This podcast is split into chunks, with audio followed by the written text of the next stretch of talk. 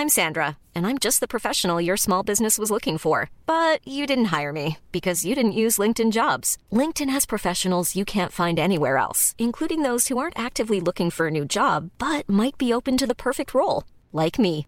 In a given month, over 70% of LinkedIn users don't visit other leading job sites. So if you're not looking on LinkedIn, you'll miss out on great candidates like Sandra. Start hiring professionals like a professional. Post your free job on linkedin.com/people today.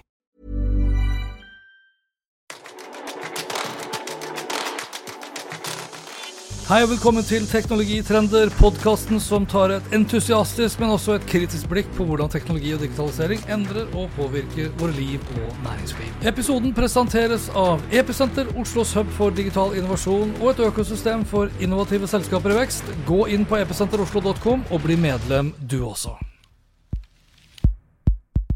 Så har det altså skjedd. Verdens rikeste mann som skal redde oss eh, fra utryddelse ved å sende oss til Mars med SpaceX og redde kloden fra global oppvarming med elektriske biler fra Tesla, ja, han skal også redde ytringsfriheten med Twitter, og da som toppsjef i alle tre selskaper samtidig. Det vi er vitne til, er ikke bare galskap, men også en ekstrem versjon av narsissisme og Messias-komplekset satt til verks. Det er også starten på slutten for Elon Musk som en kul forretningsmann, vil jeg påstå. Elon Musk har altså svidd av 44 milliarder dollar på en kommunikasjonsplattform som han i stor grad elsker å være en bruker av. Nå er han derimot toppsjefen, og ikke bare kommer han til å bli ganske så upopulær blant de ansatte, nå som han skal sparke et sted mellom 50 og 75% av dem, men han kommer også til å slite med å beholde de beste hodene, nå som aksjekurser og opsjoner forsvinner ettersom Musk har tatt Twitter av børs. Det blir ikke like spennende med diverse bonusordninger Punktum. Silicon Valley og hele den amerikanske teknologibransjen har lenge vært insentivisert av nettopp aksjer og opsjoner. Det vil uansett ikke være Musks største utfordring, det vil derimot hans kamp for ytringsfrihet bli. For når folk skal få lov til å si hva de vil uten å stilles til ansvar for det, så vil det gjøre Twitter til et enda større shitshow enn det allerede er, og det kommer til å skremme livskiten ut av enda flere deltakere, men ikke minst skremme vekk annonsører fra å bruke sine markedsbudsjetter på Twitter. Og er det noe Musk trenger, ja, så er det penger omsetning, fortjeneste. Twitter omsetter i dag for ca. 5 milliarder dollar i året, og det er lite sammenlignet med de 44 milliardene Musk betalte for Twitter. Og skal Musk tjene mer penger, må han nødvendigvis også ha kontroll over ordskiftet, og konsekvensen av den kontrollen er at han må moderere hva som blir sagt, og konsekvensen av det, ja, det er at han kommer til å bli upopulær. Elon skal få bryne seg på hva det er som er lov og ikke lov å skrive rundt omkring i verden. Reglene for hva som kan ytres i USA er helt annerledes enn hva som er lov i Europa og Asia, og innenfor hver verdensdel er det også store forskjeller.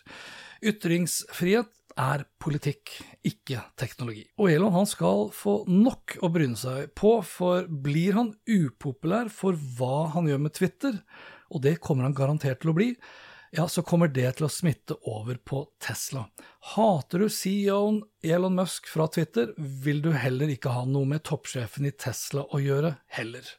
Motsatt så er det kanskje ikke så farlig, for da kan du i hvert fall skjelle ut Musk på Twitter, selv om du da risikerer at han blokkerer deg, for historien har jo vist at han ikke har nødvendigvis så veldig mye til overs for folk som kritiserer han på sin elskede plattform. Ifølge Bloomberg har Elon lagt frem tre hovedpunkter for hans Twitter-visjon, og her er det verdt å merke seg at bare for kort tid siden var visjonen til Elon å ikke ta over Twitter.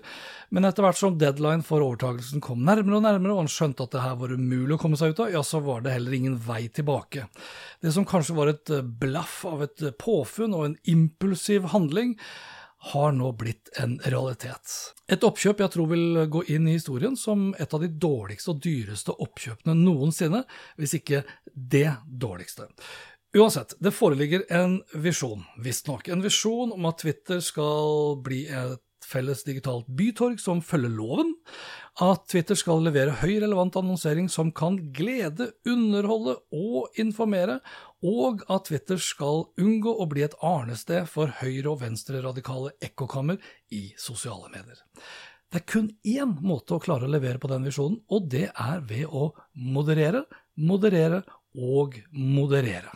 Moderere ved hjelp av kunstig intelligens, teknologi, mennesker og masse, masse, masse politikk. Og da politikk fra alle land Twitter er til stede i, og det er fader meg ikke få steder. Musk selv kommer til å hate det, og Twitter-brukerne kommer til å hate Musk for det. Og jeg kommer til å elske det, for er det én ting jeg misliker, ja, så er det den sentraliserte maktbalansen vi har vært vitne til de siste ti årene.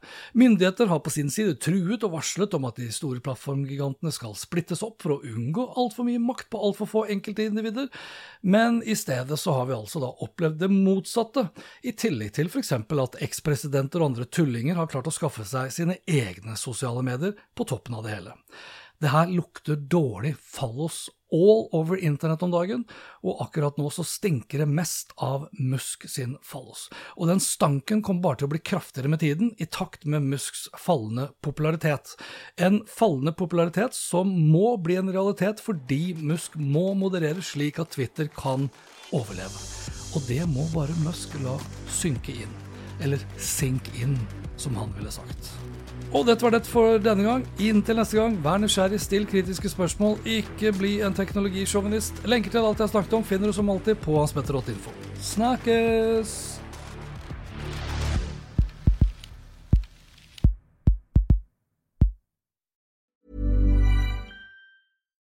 As humans, we're naturally driven by the search for better. But when it comes to hiring, the best way to search for a candidate isn't to search at all. Don't search, match with Indeed. When I was looking to hire someone, it was so slow and overwhelming.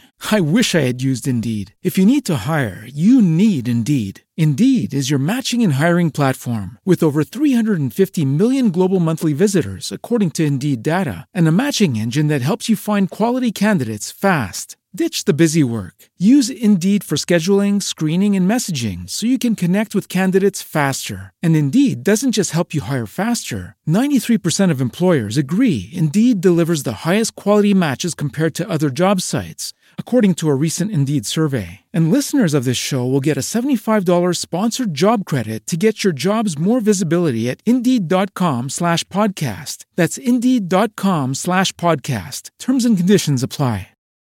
This is the story of the one. As a maintenance engineer, he hears things differently. To the untrained ear, everything on his shop floor might sound fine, but he can hear gears grinding or a belt slipping.